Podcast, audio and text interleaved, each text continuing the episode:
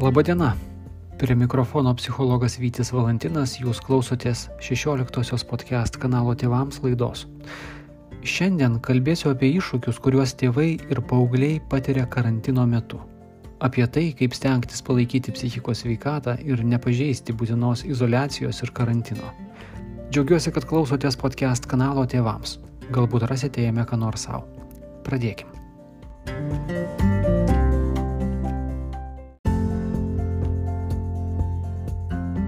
Karantinas dažnai šeimai reiškia maksimalų buvimą kartu tose pačiuose namuose. Jei anksčiau daugelis paauglių turėjo apsčiai galimybę išsmukti iš tėvų kontrolės, jei jie turėjo erdvės daugelį dalykų daryti laisvi, neprižiūrimi, tai dabar, lydekai paliepus, kai kurie šitos galimybės visai netenka. Ir gali apmaudžiai pasijusti nelyginant rampo šviesoje. Netiesioginė tėvų kontrolė staiga ima darytis tiesioginė. Kurį laiką tas gali atrodyti jaunam žmogui visai priimtina, bet vėliau tenka sukandus dantis paklusti arba pradėti priešintis. Daugelį dabar atsirandančių paauglių problemų galima suprasti kaip reakciją į priverstinę izolaciją namuose ir bandymą atremti padidėjusi tėvų dėmesį. Savo ruoštų tėvams gali būti labai neramu, kai jie mato, kad paauglys tranko visas namų duris ar stengiasi kuo labiau nutolti ir nebeiti jokį kontaktą.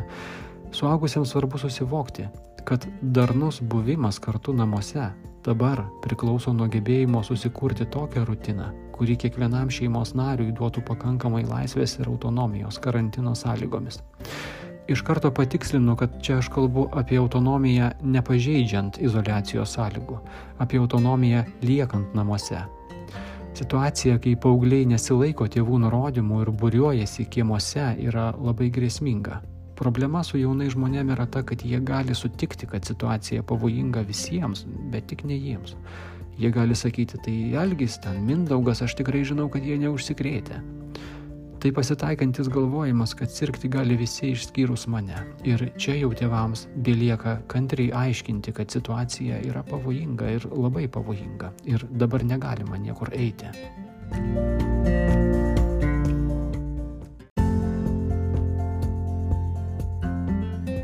Teskime apie savijautą namuose. Bazinis paauglystės ir beje suaugystės poreikis yra autonomija. Ir ne tik fizinės erdvės, bet ir mąstymo ir minčių autonomija, kuri dabar gali būti stipriai pažįsta.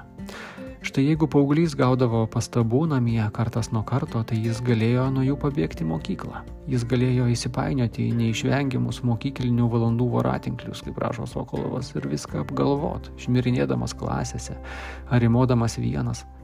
Juk tikrasis mąstymas, tikrasis susidūrimas su savimi yra tada, kai esam vieni, kai mūsų niekas neseka, nestebi, nepersikioja, tylomis žiūrint pro langą į vėjo apkramtytus debesis kalbantis su draugais telefonu, galbūt ar čiatu.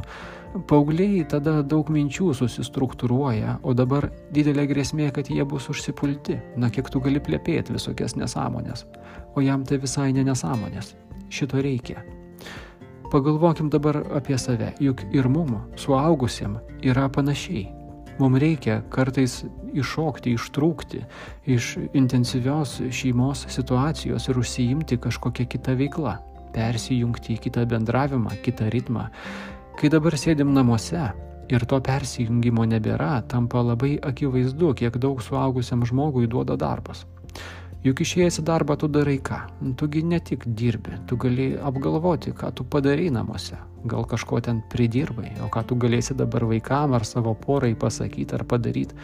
Mes pasiruošėm pareimui į namus Ir tas dabar dėja kuriam laikui yra atimta. Ir tas dabar bus turbūt sudėtingiausia atrasti galimybę namuose kažkur užlyst, kad pabūtum su savimi, kad galėtum apgalvotai, kad turi apgalvoti ir leisti kitiems šeimos nariams taip padaryti.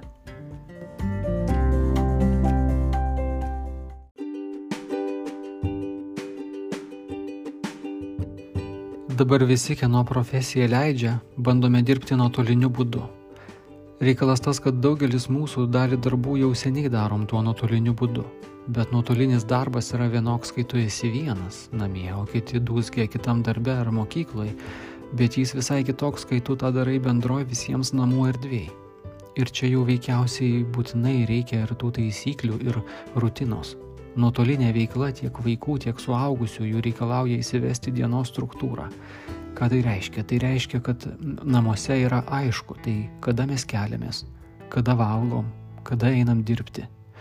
Nes jei mes įmam visi individualiai skirtingų paros metų miegot, vėliau dėl to verčiamės per galvą, nes šeima įma nieko nebespėt, turėdama įvalės kabutėse laiko nes štai pabandė gyventi laisvu režimu, kai nebėra aišku, tai kada mes pradedam dieną, kada mes ją baigiam.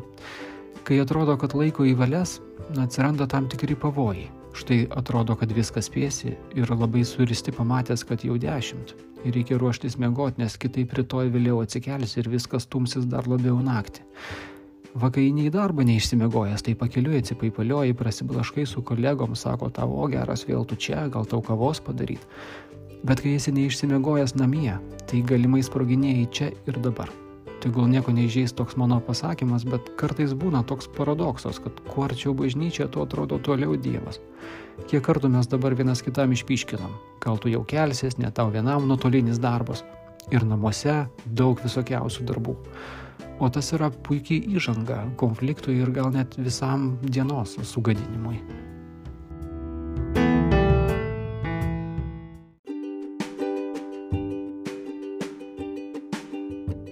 Daugelis žmonių dabar jaučia, kad per keletą savaičių viskas labai pasikeitė, kad tenka surasti bendro buvimo naujas taisyklės ir jas vis peržiūrėti.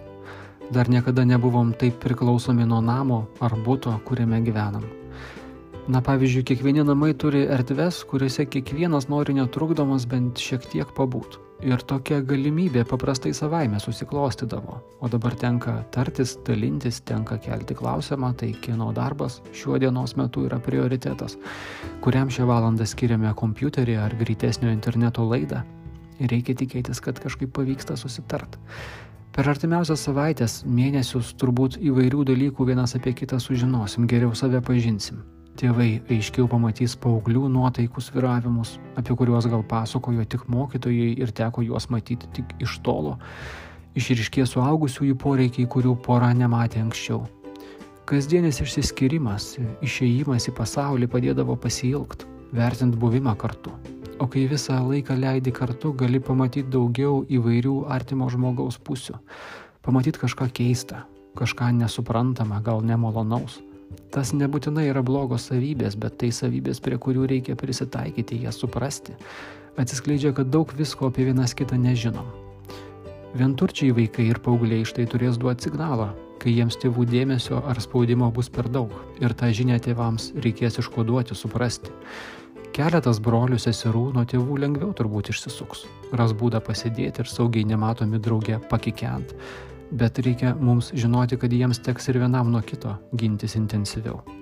Čia savotiškas paradoksas. Esam kartu ir tarsi viskas gerai, bet greitai išriškėja iššūkis.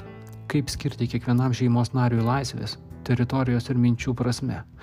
Karantinas, kuriam atsidūrėm, gali parodyti, kad nesam pasirengę ilgą laiką būti kartu ir reikės pastangų atrasti būdą, kaip būti. Esam viena vertus socialūs gyvūnai, kita vertus visi turim poreikį pabūti atskirai.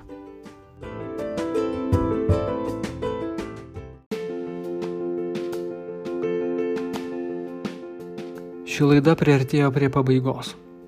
Yra toks posakis, kad kai kurie dalykai geriausiai pavyksta daromi pirmą kartą, kai dar nemoki kaip reikia.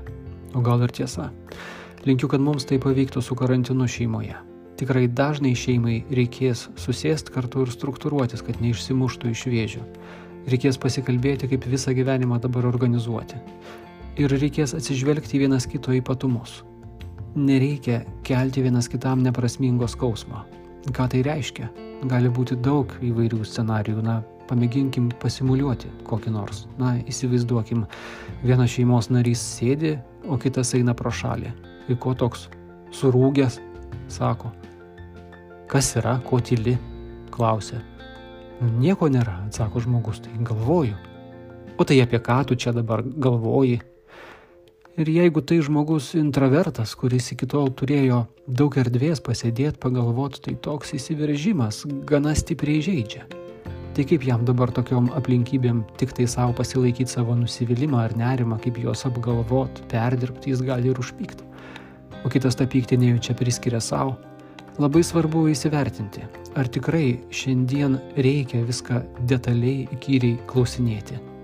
Kai visi esam kartu, įtampa gali atsirasti labai greitai, o išsisklaido jį labai pamažu. Tada ir atsiranda daugelis tokių pasisakymų, kaip ar tu gali palikti mane ramybei, užknisai, atstok, eik iš čia.